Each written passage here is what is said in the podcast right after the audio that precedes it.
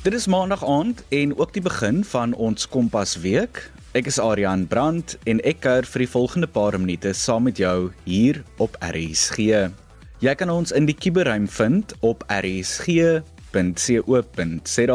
asook op die DStv audiokanaal 813. Kompas word aan jou gebring in samewerking met SABC Opvoedkunde. Ons almal weet dat die jeug van vandag baie talentvol, innoverend en kreatief is. En vanaand gesels ons met 'n paar van hierdie jong mense wat veral uitblink in die skepende kunste.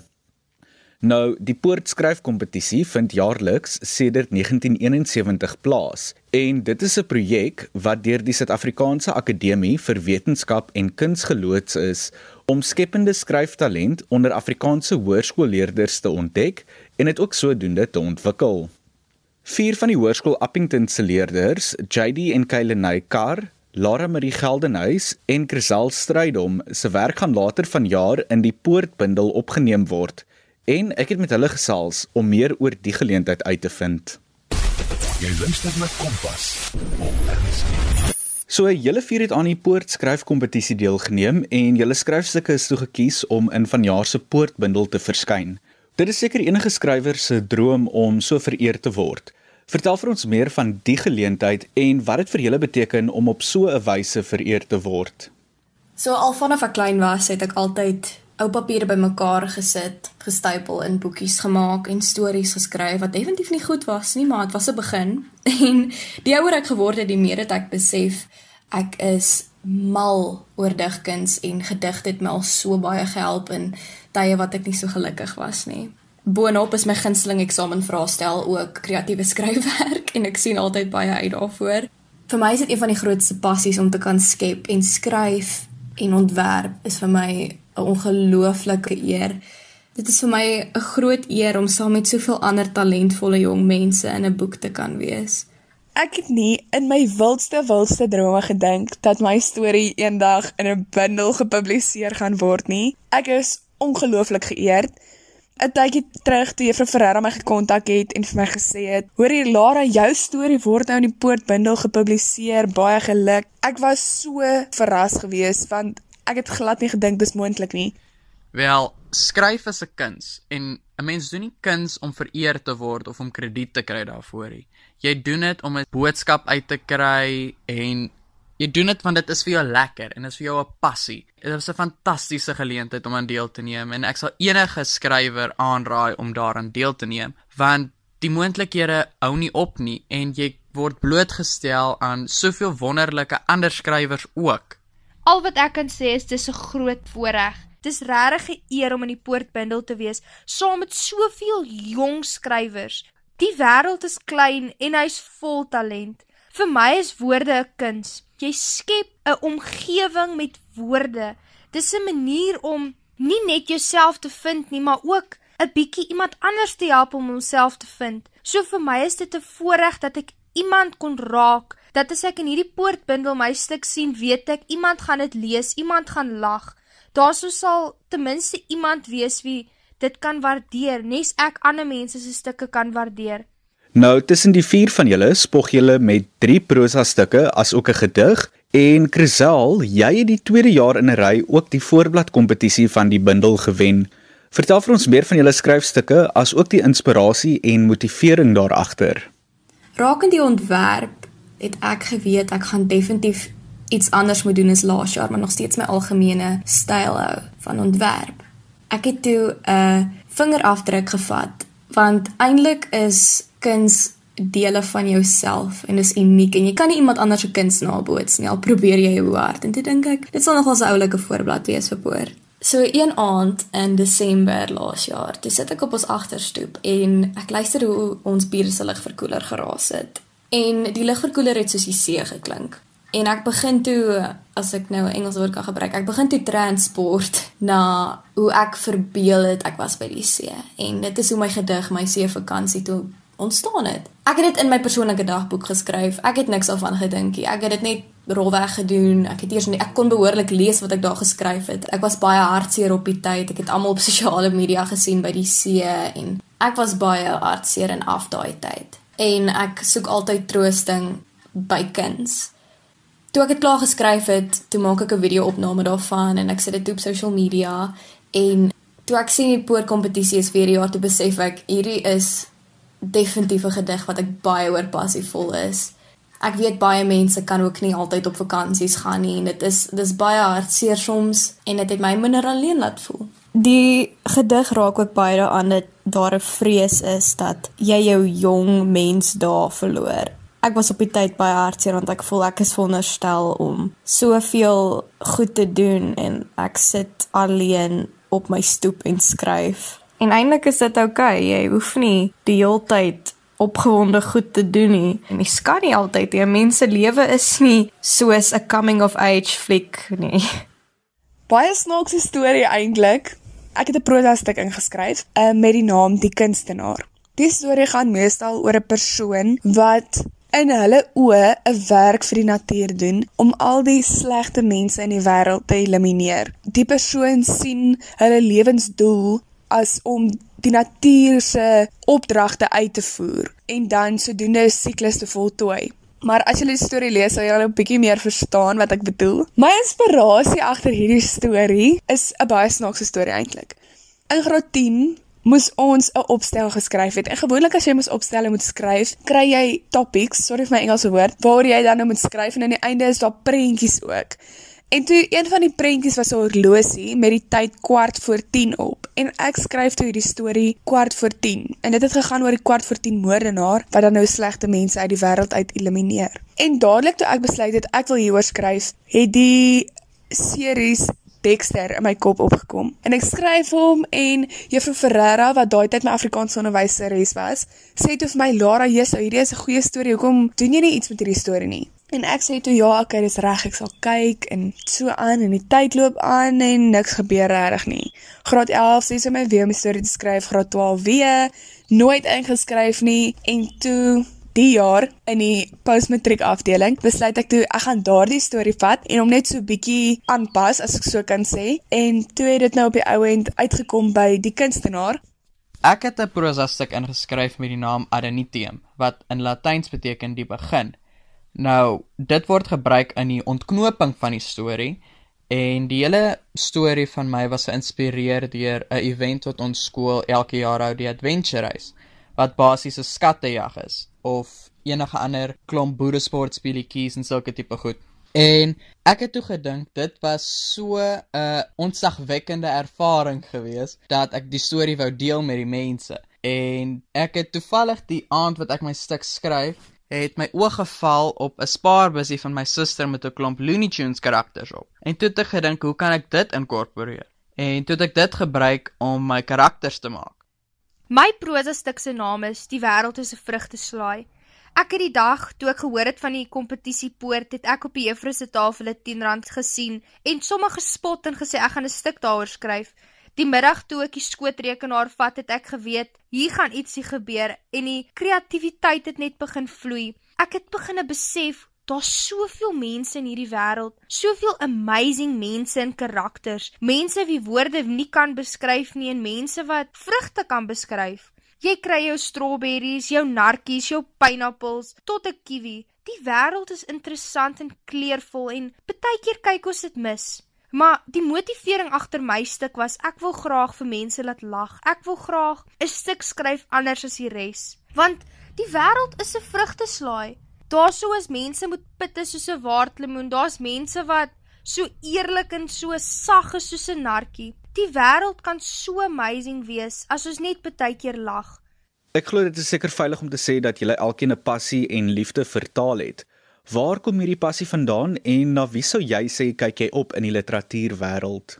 So ek het 'n passie vir skryf, maar ook 'n passie vir ontwerp en hulle vul mekaar nogals redelik baie goed aan.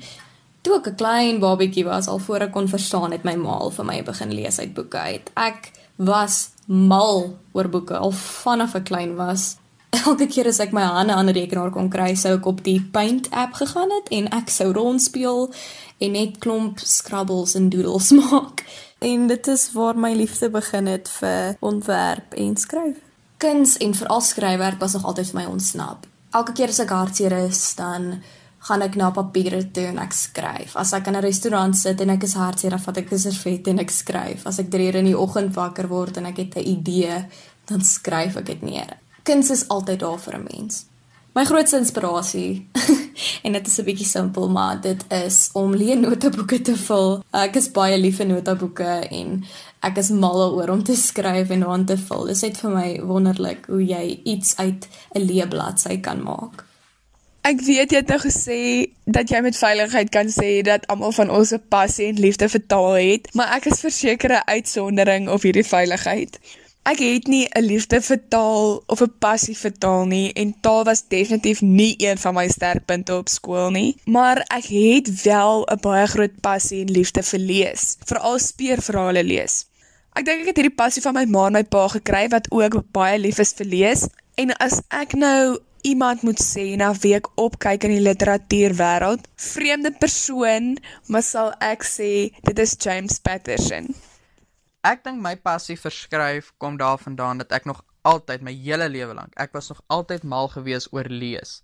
Vanaf die boekies wat hulle vir ons voorgeskryf het en toe het my wêreld vir my oop gegaan toe ek vir die eerste keer in Bargain Books gestap het. My eerste boekreeks was die Trompie reeks en van daar af het dit net aangegaan en ek was nog altyd lief daarvoor. En mense na wie ek definitief opkyk is die skrywers J.K. Rowling van Harry Potter, J.R.R. Tolkien van Lord of the Rings, Christopher Paolini van die Aragon reeks en die lys gaan net aan, maar daai is nou 'n paar uit te sonder van wie ek beslis mal oor is. Wel, ek is nie regtig 'n leser nie. Ek dink ek het nog net een boek in my hele lewe regtig deurgelees. Ek is meer vir agter die papier sit met 'n pen en skryf. My ma, ouma en oupa en broer het altyd die snaakse gesegdes of 'n ou tydse idioom wat vir my net laat lag.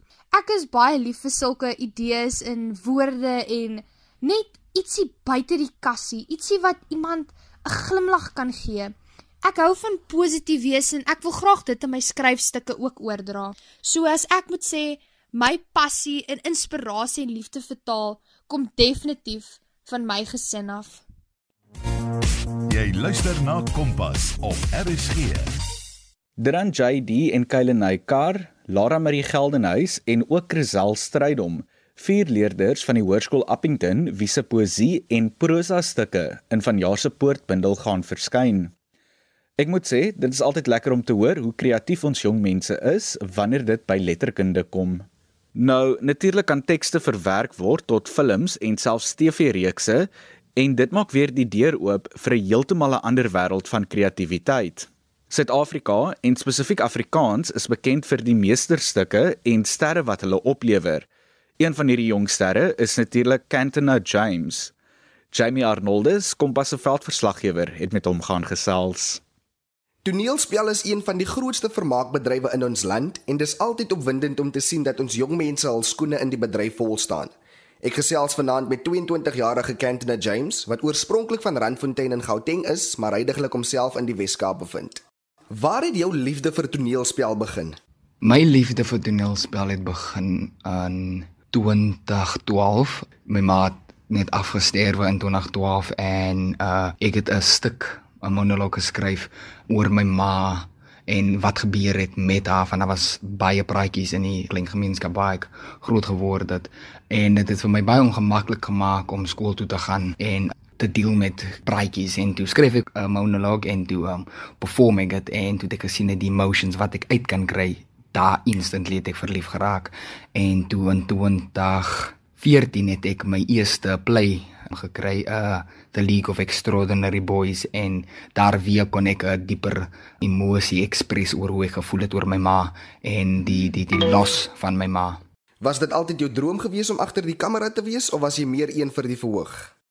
Wel, as akteur het ek natuurlik begin met teater en dis waar ek my liefde vir acting um gedevelop het. So ek moet sê die die die verhoog het my naam, my siel, my hart geroep, maar iets soos die kamera het ek geweet ek kan baie meer fine detail um express op op op op die skerm.